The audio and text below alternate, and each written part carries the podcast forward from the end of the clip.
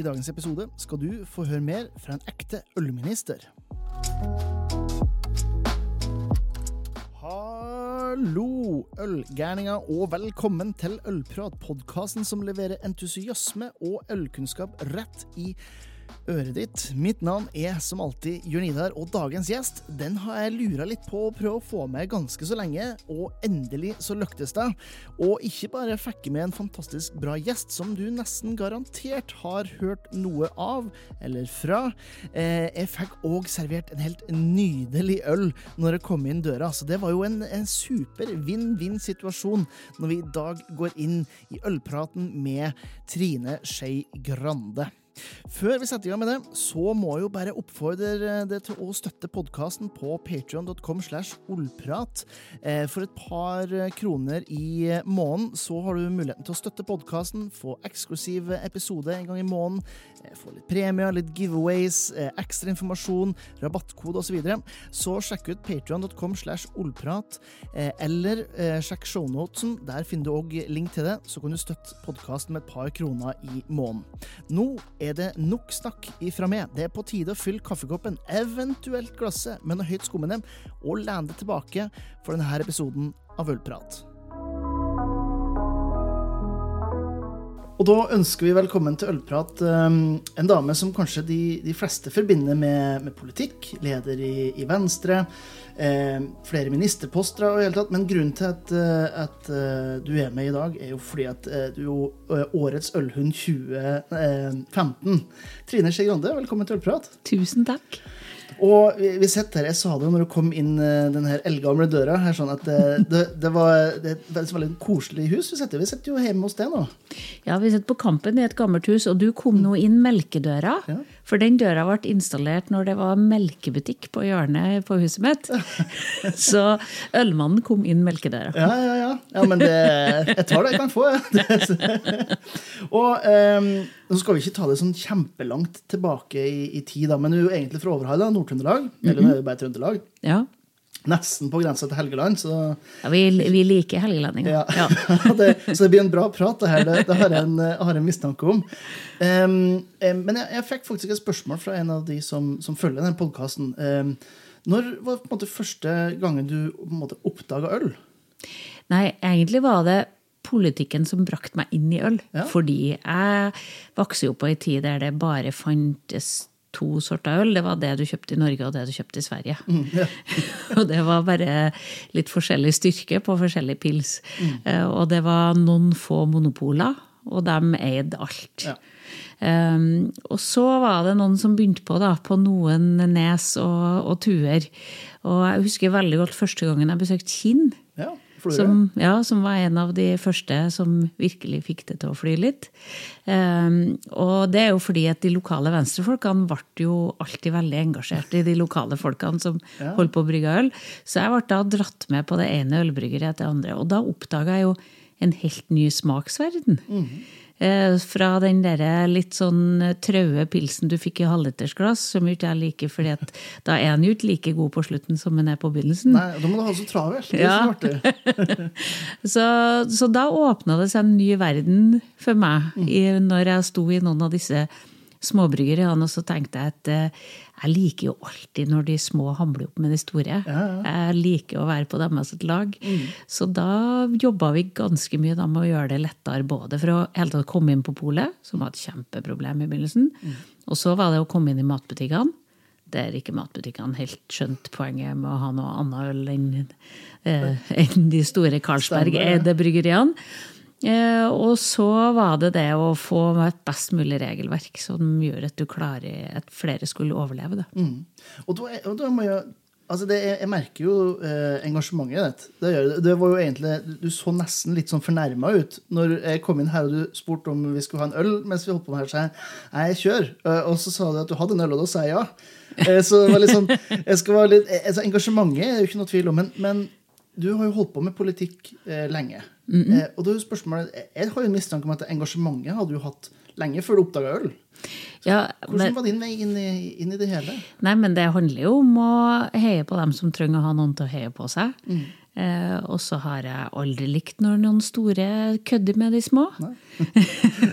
og, og, da har jeg alltid liksom valgt de små sin inngang. Ja, ja. Og da når jeg fant liksom ølsaken, så fant jeg en sak som tikka inn på alt jeg var opptatt av. Det var de små som ville hamle opp med de store. Det var noen som ville være torsa å være litt spesiell og gi folk litt ulike opplevelser. Mm. Og så mener jeg jo det er utrolig mye bra kulturpolitikk ja. i øl. Både fordi at det tar vare på tradisjoner, men det bringer også tradisjoner videre. Mm. God øl på det beste er jo ordentlig kunst. Ja, ja det er helt enig og, og, så er det det at, um, at jeg var litt lei av at øl bare skulle være en gutteting. Mm. Eh, så jeg syns det var litt viktig at det var noen damer som engasjerte seg i øl òg. At ja, ikke det skulle være et kjønnsmonopol. Ja. så det var veldig mange ting som traff meg samtidig i forhold til det engasjementet jeg hadde på andre områder. Mm. Og så er det sånn at jeg tror nesten jeg har vært på alle ja, alle de, alle, i hvert fall de største bryggeriene. Men jeg tror jeg har vært på over 100 eh, bryggeri. Ja. Av små og store, fra kjeller og loft til mm. de store hallene. Eh, og det skal alle venstrefolkene ha litt æren av, for som tar meg med på ting. Mm. Jeg bruker å si det at I hele mitt liv som politiker så besøkte jeg ett sykehjem. Ja. Det var sammen med Erna og Knut Arild og Siv. Ja. Men jeg har besøkt over 100 mikrobyggeri. ja, det skal man jo ikke si snakke om gangen fra, fra byggeri til sykehus. Det skal vi la, Nei, jeg tror det kan holde mange unna sykehuset. ja, det, det skal ikke se bort, bort Og så må jeg si litt om det med alkohol. For det var, mamma sa hvorfor skulle du engasjere deg i herre? Mm. Eh, det er jo ikke noe poeng at folk skal drikke mest mulig. Så sa jeg men da er det jo mye bedre at de kjøper i skikkelig god norsk, spesiell flaske mm. som noen har lagt sjela si, ja. enn å dra med seg to sixpack. Ja. Ja. Så um, jeg mener det er mye bra drikkekultur i det å, å, å løfte ølet som et kulturdrikk òg. Kvalitet over kvantitet. Ja, Dessuten så hadde jeg jo gledet meg til du skulle komme, for nå har jeg hørt at han, eh, han, eh, han kollegaen min i Høyre har starta som podkast der, der, han serverer vin. Jeg, så jeg syns det var veldig kult å kunne servere øl isteden. jeg syns det er helt nydelig. Jeg må jo innrømme at uh, selv om jeg ikke er så politisk engasjert, så er det i hvert fall én ting jeg skal ta, ta med. da, At jeg begynner å ha med, ha med en liten øl og, som, smørning, som, som, som, smørning, rett og slett, ja. før man setter i gang podkast. Eh, men du, du, kommer jo inn eh, selvfølgelig eh, som, som, leder i Venstre i, i 2010, hvis jeg husker helt gærent. Mm -hmm. og så det, da har du allerede starta din reise inn i øl. Mm -hmm. og skal jo være litt forsiktig med å, å snakke ned andre politikere. Men eh, du var den første som jeg oppdaga som, som virka genuint interessert i, i alkohol. Eh, og det, er, det finnes jo partier som er, er, engasjert når det skaper oppmerksomhet. Og det ser, jo, det ser, vi jo, litt nå i forhold til det her med Helsedirektoratet, som har hatt den runden her. Så, så har plutselig alle, eh, alle politiske partier en mening. Eh, selv de som har sittet i regjering i åtte år og ikke gjort noe med det, eh, har noen annen mening enn når de, når de holdt på. Hva du tror du det er som gjør altså, det her med alkohol og, og ja, Alkohol rett og slett en såpass tabu ting å være opptatt av? Jeg syns jo at, eh, at, man burde jeg synes jo man burde slappe av litt mer med sånne ting. da, Ikke være så, så stressa på det. Men det er, er, det en ting jeg ikke klarte Jeg klarte å myke opp veldig mye på spesielt for mikrobryggeriene eh, og for omsetning og alt mulig sånn.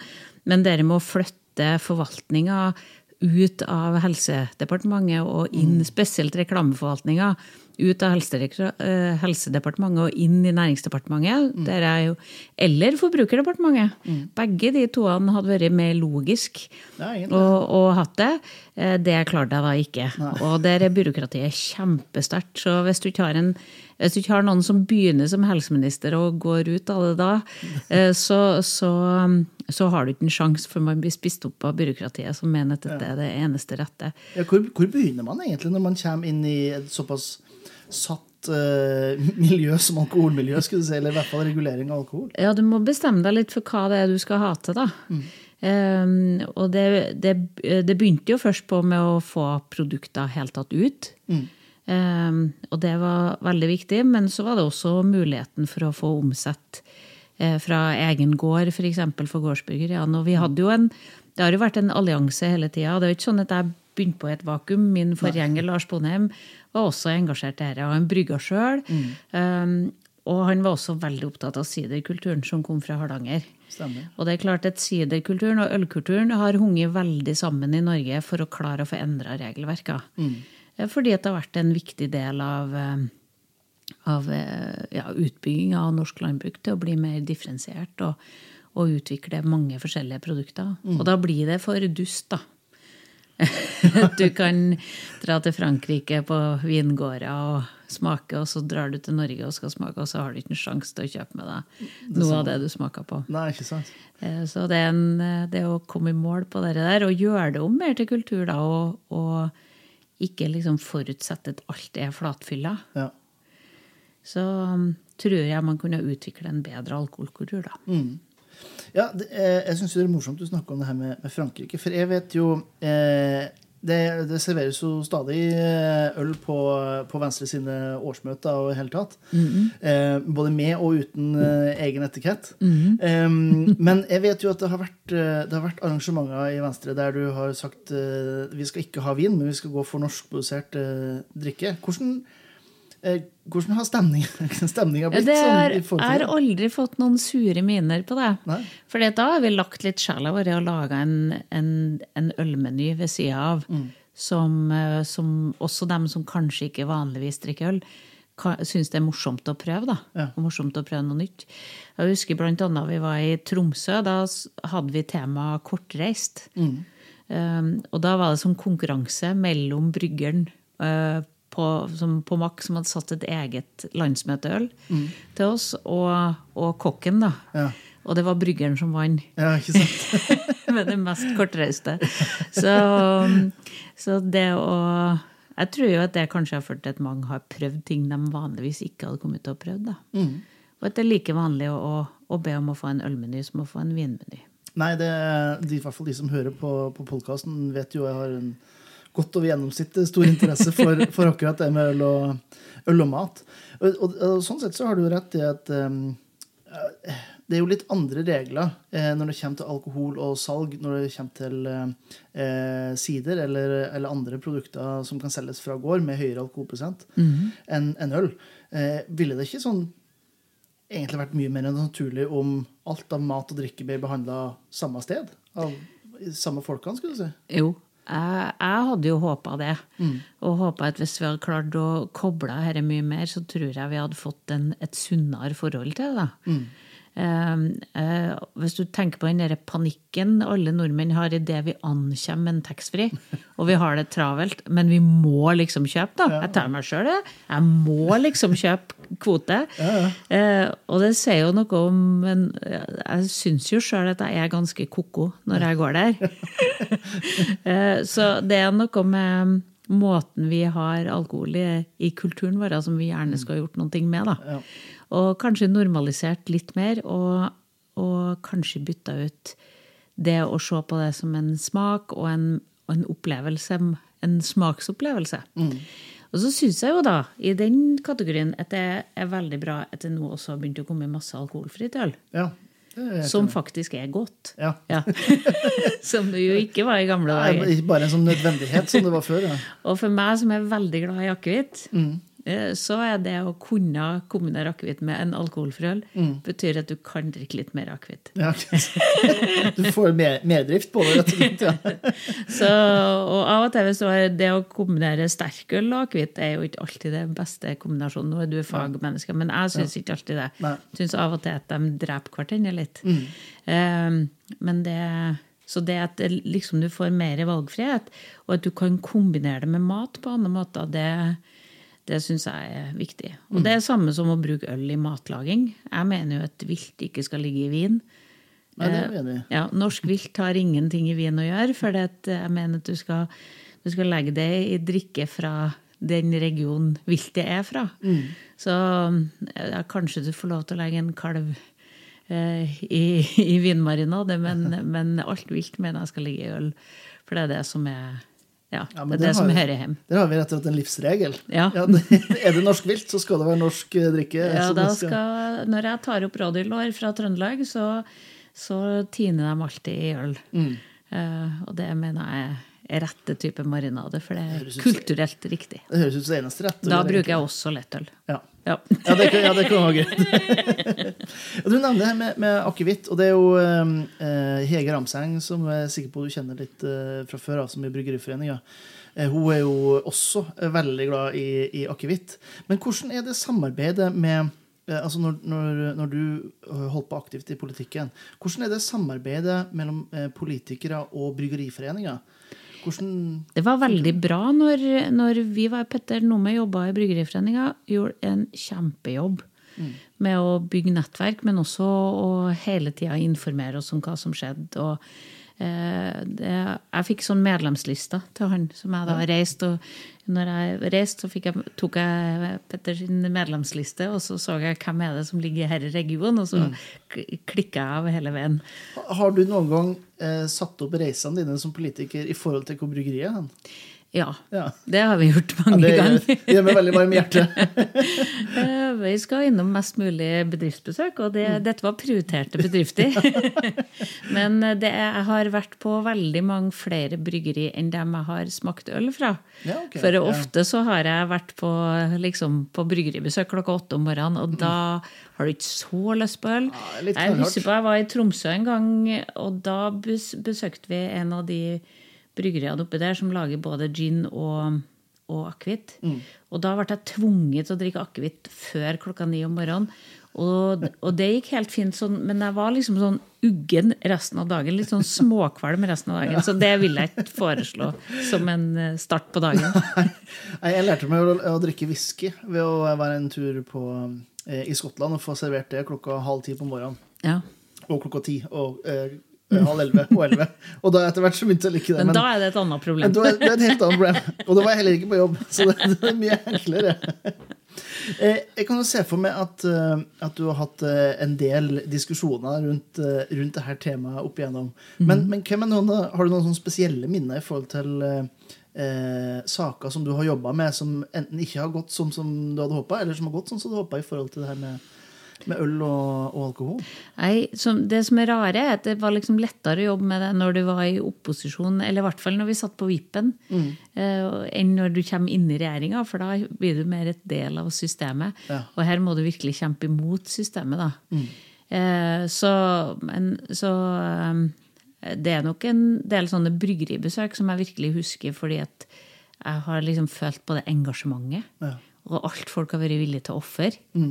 Fra jeg liksom står på Sørlandet med en kompis hjemme på fem-seks stykker som gjør dette ved sida av jobben, til, til du står i, og holder på med eh, ja, Kinn eller andre som prøver å eksportere, og så er det kjempevanskelig fordi vi f.eks. i Norge har for dårlige regler på vann. Mm. Så de fikk ikke de riktige papirene i orden for i hele tatt å eksportere. Ja, så det har vært mange sånne små og store problem på veien som man aldri hadde forestilt seg skulle bli en utfordring å ordne politisk. da. Nei, det er jo mye som Jeg tror det er mye som vanlig, hva det vanlige folk ikke tenker så veldig mye på i forhold til eh, En ting er jo de lovene vi har, men også de lovene vi ikke har, men som vi likevel nyter godt, da, sånn som EØS-avtalen, f.eks. eksempel, Som jo eh, Jeg har jobba med import i, i mange år, og eh, det er et eget sertifikat som heter EUR1. Vi er det eneste landet i hele verden som har det. Og eh, det skal gis ut av den nærmeste eh, tollstasjonen fra der produsenten er. Og jeg har hatt noen samtaler med både belgiske og franske eh, sånn tollansatte som syns vi er helt eh, borte vekk. Så, så spørsmålet er kanskje eh, er norsk alkoholpolitikk litt sånn utdatert?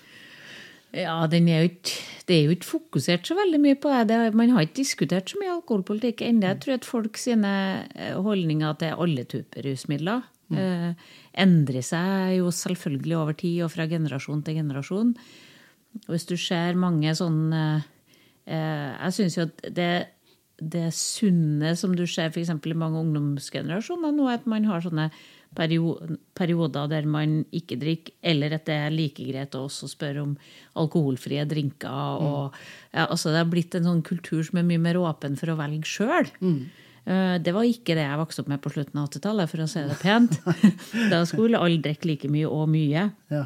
Og så skulle man liksom ikke drikke når man var voksen. Eller, ja, det var masse sånne rare regler.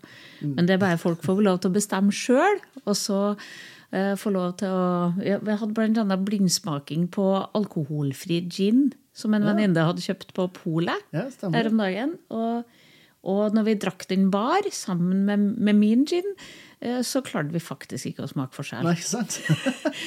Og det, hele dette her tror jo jeg åpner for mer individualisme. Og det er mye bedre å satse på de tingene enn å satse på den pekefingeren og forbudene og, og sånne dusteregler knyttet til reklame og produktinformasjon. Ja. Ja. Så, så um, jeg har mye mer trua på det. da. Det er jo, en, det er jo en, eh, en evolusjon som har skjedd ganske, ganske kjapt. det der. Jeg vet jo, eh, nevnte jo også fordi at jeg hadde bodd i USA. Og der er det jo snart 30 stater der marihuana f.eks. er lovlig, mens det var ingen det, når vi var der for bare 13-14 år siden. Ja. Så den helt, eh, alt det her med, med rus og den typen ting er blitt helt annerledes enn eh, på ganske kort tid, føles det ut som. Ja, det er masse sånne holdninger, og jeg syns jo det er positivt at man, eh, man regulerer på andre måter. Og så er det viktig at folk har kunnskap om det, så de skjønner hva det gjør med kroppen dem, og får, og får bestemme sjøl Ja. hva det er de ønsker. Ja? Så um, jeg tror ikke at den herre skremselen og Ja, det er ikke det som funker. Så jeg tror det å satse på at vi nå kan nyte en sånn fin flaske som er nedi en boks, og som jeg har kjøpt bare den, og tok den fram bare for at du skal komme, eh, istedenfor å pushe sixpack. Ja. Ja. Så eh, Kvalitet over kvantitet, ja. ja, jeg tror det er bra alkoholpolitikk òg. Og da, altså, En av de tingene som, som jeg vet du jobber litt med, var det her med, med informasjon om, om alkohol. Og eh, det her som nå heter eh, nøktern produktinformasjon på egne hjemmesider. Som eh, jeg, jeg tror kanskje for et halvt år siden hadde du spurt en generell øldrikker om han visste hva det betydde. Aldri har hørt om. Men nå, da takket være eh, masse interessante eh, avisoppslag eh, om en, et visst direktorat som har eh, nå begynt å følge opp det her om, eh, om alkoholreklame, eh, har, har fått en, en helt annen bevissthet til det her. Em, så folk Det, vet det er ti år siden første gangen jeg husker eh, eh, direktøren på Ås bryggere ringte og fortalte at de ble pålagt å fjerne skumkanten eh, øverst oppå nettsida si. Eh, fordi at den var ikke lov å ha, for det skumkanten på Det ble sett på som alkoholreklame. Ja. Så ja. Nei, vi har holdt på med dette ganske lenge, altså. For å Og det Og jeg skjønner jo et, eh, et bryggeri som liksom får terningkast seks i, i, i juleøltesten i Dagbladet, ikke får lov til å legge det på nettsida si at de får terningkast seks, eh, men Dagbladet har lov, og de har ikke lov. Det er veldig dustete regler, altså. Og så er den derre trua på at eh, at alle de Hvis du spoler tilbake til, til alle de internasjonale Altså alle blir eksponert for Budwiser og, og andre typer reklame i alle mulige flater. Og så får de, de norske produsentene ikke lov til engang å fortelle om hvilke produkter de har, på en ordentlig måte. Eh, Det er jo ikke veldig positivt for det norske kultur- og bryggerimiljøet. da. Nei, jeg tror det, det er et par som, eh, som eh, kanskje rynker litt på nesa når de ser en norsk skihopper eller skiskyter eller, eh, eller eh, skøyteløper gå med et startnummer med et eh, tysk brygge eller et ølmerke på, f.eks. Det er kanskje et par Det er ikke helt logisk, kanskje. Nei, jeg syns ikke det fremmer norsk kultur, i hvert fall. Nei, Men det er jo spørsmålet. eh, For sånn som jeg forstår det på det, så det her med å, med å endre kall det status quo, da, altså det å gjøre politikk, er jo noe som ikke er gjort i håndvending. Eh, til tross for hva enkelte politikere kanskje skal ha det til å framstå. Em, så hvis man sier nå at, eh, at det her med å, å markedsføre eller informere om, nøkternt om egne produkter på hjemmesider men Hvis man skal ta det inn i, det 20, altså, inn i 2023 og kunne eh, informere om det her på sosiale medier også, f.eks. Hvordan vil en, en sånn prosess se ut, da? Hvis du skal prøve å beskrive det for Nei, hvis jeg, hadde vært, eh, hvis jeg hadde hatt muligheten til å gjøre noe med dette i dag, så er det én ting jeg hadde gjort. Jeg hadde flytta det regelverket ut av direktoratet og inn i vanlig forbrukslovgivning. Altså ut av Helsedepartementet sitt ansvar, bort fra helseministeren sitt ansvar, og inn på forbrukerministeren sitt ansvar. Der alt mulig annen forbrukerlovgivning håndheves. Der reklame mot barn f.eks. håndheves. Der eh, det passer på at vi ja, Der vi har lagt for eksempel regler som gjør at vi ikke kan manipulere damekroppen altfor mye når vi reklamerer for klær. Ja, vi har masse veldig spissfindige regelverk på dette her, som går helt fint å, å ha. Men når du, når du plasserer det i et helt annet miljø, eh, der målsettingen er noe helt annet enn liksom forbrukerlovgivning, eh, men at det blir anti-alkohol, da får du en helt annen kulør på den jobben som blir gjort. da. Ja. Så hvis jeg skulle ha sittet med med Erna og forhandla regjeringsplattform nå, så har jeg sagt jeg ville at forvaltning av det regelverket flyttes fra helse inn til forbruker, der det hører hjemme. Og da, da hadde det blitt håndheva sånn som alt mulig annet. Ja. Jeg får håpe det er noen eh, som, som hører på det. Som kan, Det er kan mitt beste din. tips. Ja, du klør deg litt i fingrene på når du leser sånne saker som har vært eh, de siste månedene. Ja, for, men så er, det som irriterer meg, er at dette har vi visst så lenge. Og vi har streva med det så lenge, og så har vi likevel ikke fått gjort noe med det. Og så blusser det opp. Det virker som det kommer en eller annen saksbehandler som Og nå skal vi ta dem. Og ja. Fordi at det, det er som sagt lenge siden første saken jeg hadde på dette, og det var Skumkanten på oss sine nettsider. De hadde en eh, logo øverst på nettsida med skum på. Med skum på, ja. Ja, ja. er Samme som de hadde på bilene sine. da. Ja. Bilene var greit, men ikke ha en nettside med skumkant. Ja, det, det er ikke alltid altså, det er litt sånn fascinerende hvordan vi som mennesker bare eh, aksepterer ting til slutt. Mm. Ja, ja. og det er jo en sånn ting som jeg tenker ja, men selvfølgelig går ikke det an. Men når du sier det nå, så tenker jeg det er egentlig ganske sprøtt. Ja, og det er sånn, Vi har tusen sånne regler i Norge. Og så er det sånn når du prøver å oppheve det, så blir det også, også gjerne karikert. Så eksempel eh, når vi, vi tiltrådte og vi fjerna fjerna eh, muligheten for at, du, at, du, at det var i Norge var det eneste landet med forbud mot elektriske sparkesykler. Mm. Så var det jo ikke måte for hvor mye Segway-spøker det gikk. Nei. Men det er jo ikke Segwayene som har tatt det andre elektriske sparkesykler. Og i dag tror jeg ikke noen har kommet på å forby dem. Nei, jeg tror ikke heller. så, så det er noe Ja, Norge er et land der rullebrett, f.eks., når jeg var ung, Mm. var forbudt. Ja, fordi det, det var litt sånn som eh, mange kristne miljøer skulle førte dans til sex, men rullebrett førte da til narkotika. Så derfor så måtte man forby rullebrett. Ja, det er, så mye, det er mange sånne regler vi har hatt opp gjennom tidene. Og det er noen som av og til må bare rope at keiseren ikke har klær på når han går forbi, Ja. sånn at alle kan se det. Du kan få det med seg, Ja. ja.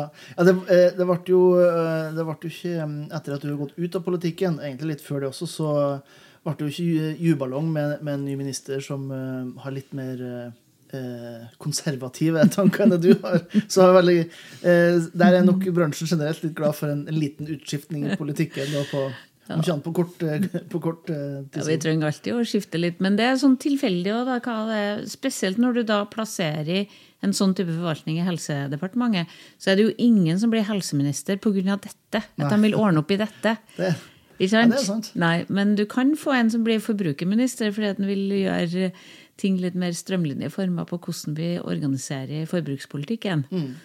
Og da blir det sånn at da blir det viktigere å rydde opp i fødesituasjonen i Norge enn hvor du plasserer forvaltning av et regelverk på sant. alkoholforbud. Ja. Altså, sånn sett så er det jo, eh, er det jo en eh, umulig kamp å vinne for alkoholbransjen når du skal liksom eh, i hermetegn konkurrere med oppmerksomheten med sykehus, f.eks. Ja, og du, du taper alltid i de sammenhengene. Ja.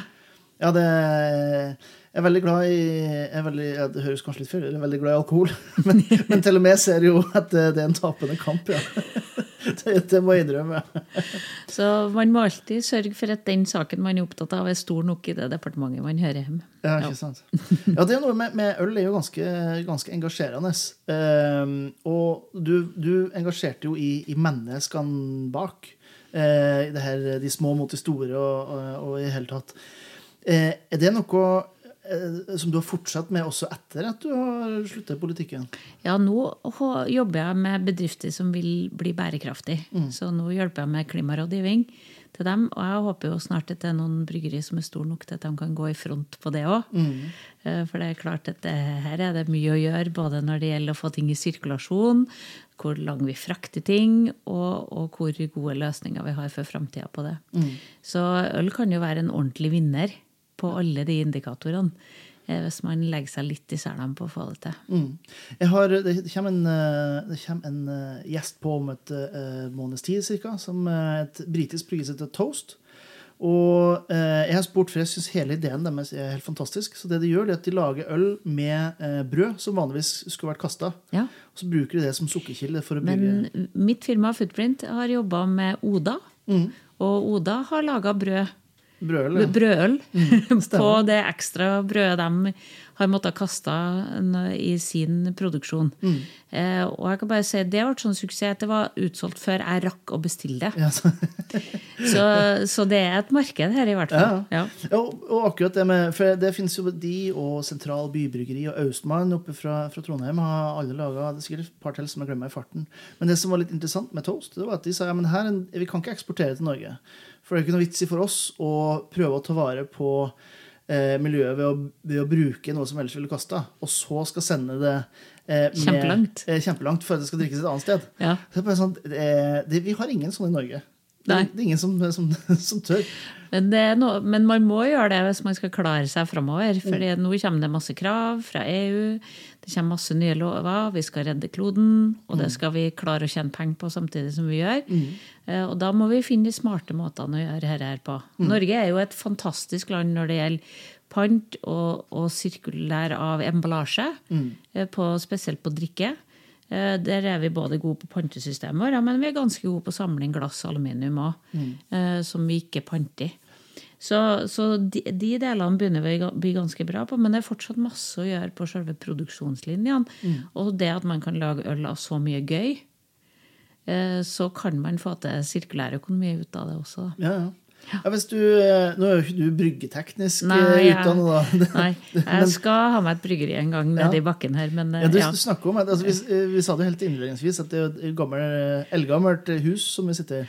Ja, det er fra sånn eh, midten av 1800-tallet. 1840-1850.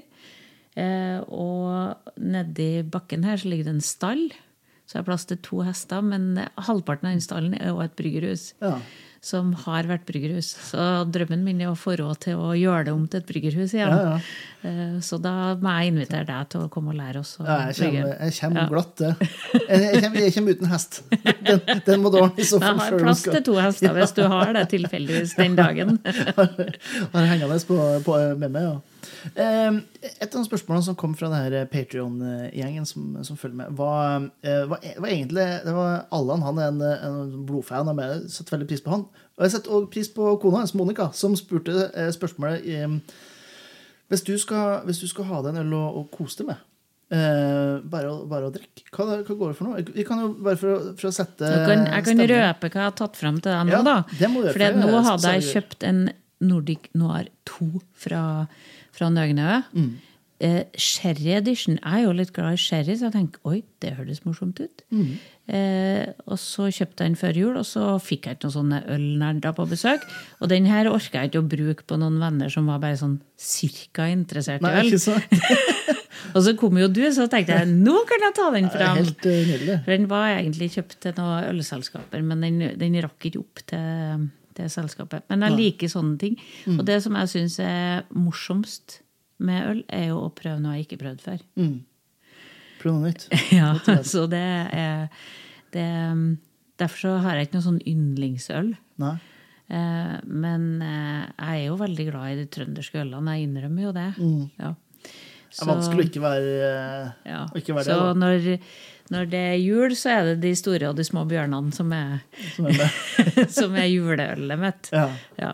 Men jeg bruker å prøve mange forskjellige, og, og går på polet og plukker litt. og sånn. Oi, den så gøy ut, og den så gøy ut. Mm. Ja. Ja, det det er litt, eh, Du snakker om det her med at å, å få et større mangfold eh, i, i ølbransjen. Det Men det hender jeg driter meg ut, og så at jeg så ikke syns det er noe godt. Og da Ja. tømmer, jeg- da tømmer jeg det ut, faktisk. Ja. Akkurat det her var ikke verdt å tømme ut. Den, Nei, det eh, var kjempegodt. ja, det var virkelig, Jeg setter, setter veldig pris på at du har lyst til å dele det her med meg. Jeg var ikke forberedt på det. En, helt, eh, en ypperlig eh, en ypperlig overraskelse på en mandag.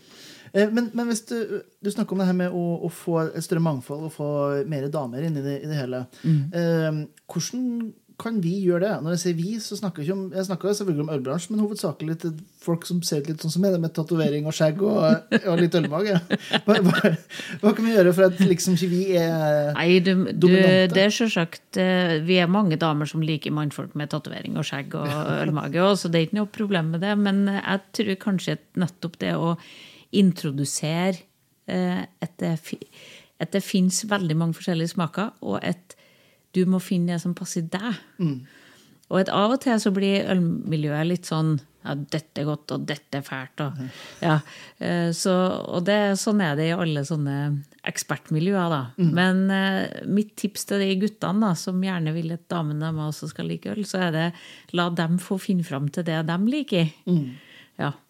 Og jeg, jeg, liker ikke når det snurper for mye med hummel. Sant? Jeg har uh, jeg har jo hatt en hel sånn oppvekst der jeg var så lei av sånn halvliter pils uh, Carlsberg-greie. Mm. Og så føler jeg nå at nå har jeg funnet litt tilbake til pilsen igjen. Ja, ja. ja fordi at nå er det Hvis jeg sånn midt i uka har en, en svinekotelett, og svin må jo ha øl mm.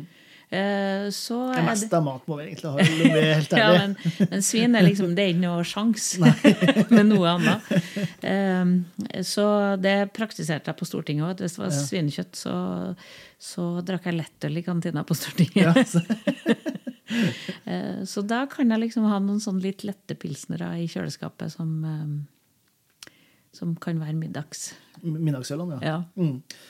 Jeg er også Jeg tror man kommer kjenner ut fra min egen erfaring så i hvert fall at eh, når man oppdager denne verden her, sånn, så blir det jo mer og mer eh, sært eller ekstremt eller, eh, eller interessant, avhengig av hvordan, hvordan, beskrivelse man vil ha på det. Men så går det en stund, og så kommer det litt sånn tilbake til uh, kalle det mer folkelige, det mer vanlige. Og det er jo det er vanskelig å komme seg uten, uh, utenom en god pils, altså. Ja, og så det, det, andre er jo at vi damer må innse at egentlig så er ølet vårt. Mm det er industrialiseringa som tok det fra oss. Mm. Ja, så vi må bare ta det tilbake. For det var damer som laga øl, og det var damer sitt, sitt uh, marked. Ja, ja. ja så dere um, Ølet skjemmes når du kommer for nære, er en ganske nymotens ting som karer har funnet på. Ja, det høres ut som oss, det. det, det, det Jeg kjenner en som uh, overtok en gård på Vestlandet som uh, holdt på å brygge øl i bryggerhuset og hadde overtatt gården etter en gammel onkel. Og så mm. kom dattera hans på tre-fire år stavlende over gården. Og så gikk hun inn i bryggerhuset mm. når de holdt på å lage juleølet. Og da så bare onkelen på hun dattera, og så gikk han ut og kom aldri inn igjen. Nei. For det huset gikk ikke an å brygge øl i, for det har vært kvinnfolk der. Så, eh, så det er Ja. Vi må bare ta tilbake det som var makta vår. ja, det tror jeg. Og det er jo, det er jo noe som, eh, hvis det er noen litt usikre menn der ute, så kan du trøste dere med at eh, kvinnfolk sånn biologisk har jo flere smaks... Eh, ikke flere smakssanser, men eh, lettere for å kjenne smaker enn eh, en mannfolk har. Ja, Så de, så bør, de egentlig, de bør egentlig la damene sine være smakstestere? Helt korrekt. Eh, nå skal jeg ikke nevne hvilke av de store bryggeriene som har vært innom, men det er et overvekt av kvinner i de, i de smakspanelene. Ja. Eh, det, og det er ikke tilfeldig. Det tror jeg ikke. Så ja, Vi får se om vi greier å legge bort litt ego, vi mannfolk, og, og, gi litt uh, plassen tilbake. ja, altså, Det handler ikke om at man skal mene noe annet, men man må være åpen for at andre mener noe annet. Mm, ja. ja. det er sant nok. Du, Vi begynner å nærme oss litt, eh, litt slutten her. sånn. Eh, det var veldig hyggelig. Eh, eh, jeg merka at det skal være øl på alle, på alle podkastene. ja, du må utkonkurrere han nede Torbjørn Røe Isaksen med revinflaska si. Ja, det må du gjøre. Ja. Kanskje må ta en duell øl mot vin med han, ja, da. Kanskje det. det. Eh, men før før jeg sier, sier, takk for, for praten, så eh, har jeg egentlig jeg har ett spørsmål som jeg stiller alle sammen. Mm. Som er med på det her. Og det er like enkelt som det er komplekst. Og det er hvis du skulle ha valgt en, en øl og mat eh, sammen, en kombinasjon mellom øl og mat eh, Det kan være til en hverdag sånn som i dag, eller til en fest, eller hva måtte være for noe. Hva, hva hadde du valgt for noe? Eh, på lille julaften så har jeg Trine-julaften. Det betyr at da har jeg menyen som jeg ville ha valgt hvis jeg har fått valgt julemeny ja. for det beste. Da har jeg rakfisk. Det er hovedrett. Og da har jeg alltid en eh, lillebjørn eller en storebjørn eh, kombinert med akevitt til. Ja. Og så har jeg stiltonost på pepperkaker til dessert. Og da, da kunne vi ha hatt den her vi hadde nå i dag. Den har vært helt ypperlig til stilten og pepperkaker. Jeg tror man skal lete lenge etter en, en eh, middag som er mer norsk enn eh, rakfisk, akevitt og, og en god norsk juleøl. Altså. Men eh, det er, det er masse gode smaker der. Ja. Men vi er jo et koko-land som der gammel mat og råtten mat er det mest eksklusive man kunne ha. Ja, det er helt vi, er, vi er fascinerende. Ja, Det er vel den beste beskrivelsen. vi kåra nederst på sånn matrangsliste, da, men eh, ja, Ja. jeg håper vi karer oss opp litt med åra. Ja, jeg syns du er ufortjent generelt. Nei, men eh, Trine, tusen takk for praten. Tusen takk for at jeg fikk være med. Det var eh, veldig informativt. Og så håper jeg kanskje det er et par bryggerier der ute som kanskje skjønner at man ikke bare kan rope ulv, ulv, men må jobbe litt langsiktig med å endre reglene. Og kanskje en av politikere som hører på, som har lyst til å gjøre det sammen med dem. Ja, absolutt. Og så tror jeg jo at eh, bærekraftig øl må alt bli til slutt. Så Ja. det er bare å kaste seg rundt og finne ut smarte måter å gjøre det på. Ja, Det høres, høres mer logisk ut. Så eh, eh, bærekraftig øl, eh, laga av kvinnfolk. Eh, Og så får vi mannfolk kan bare kose oss med det etterpå. Det må være planen. Ja, det tror jeg, det tror jeg skal være et fint samfunn å være mann i òg. Ja, det tror jeg òg. Takk for praten, Trine. I på det. Tusen takk til Trine, både for en meget velsmakende øl og for en god ølprat. Og ikke minst, tusen takk til det som hører på. Jeg vil bare oppfordre, hvis du ikke allerede har gjort det, å dele denne podkasten med en han, hun eller hen som du drikker øl med. Fordi hvis dere begge to hører podkasten, så har dere muligheten til å diskutere den neste gang dere tar dere en god øl i lag. Så jeg kan absolutt anbefale det. Og hvis du ikke har eh, muligheten til det, så kan jeg i hvert fall eh, anbefale å rate og reviewe podkasten der du hører den. Det vil nemlig hjelpe algoritmene å sende det her øltoget ut til enda flere mennesker, så vi får med mer nydelige ølgærninger eh, på det her Ølpraten-toget. Nå gjenstår det bare for meg å si takk for følget for denne gangen, og så minner det på at livet det er altfor kort for å drikke dårlig øl.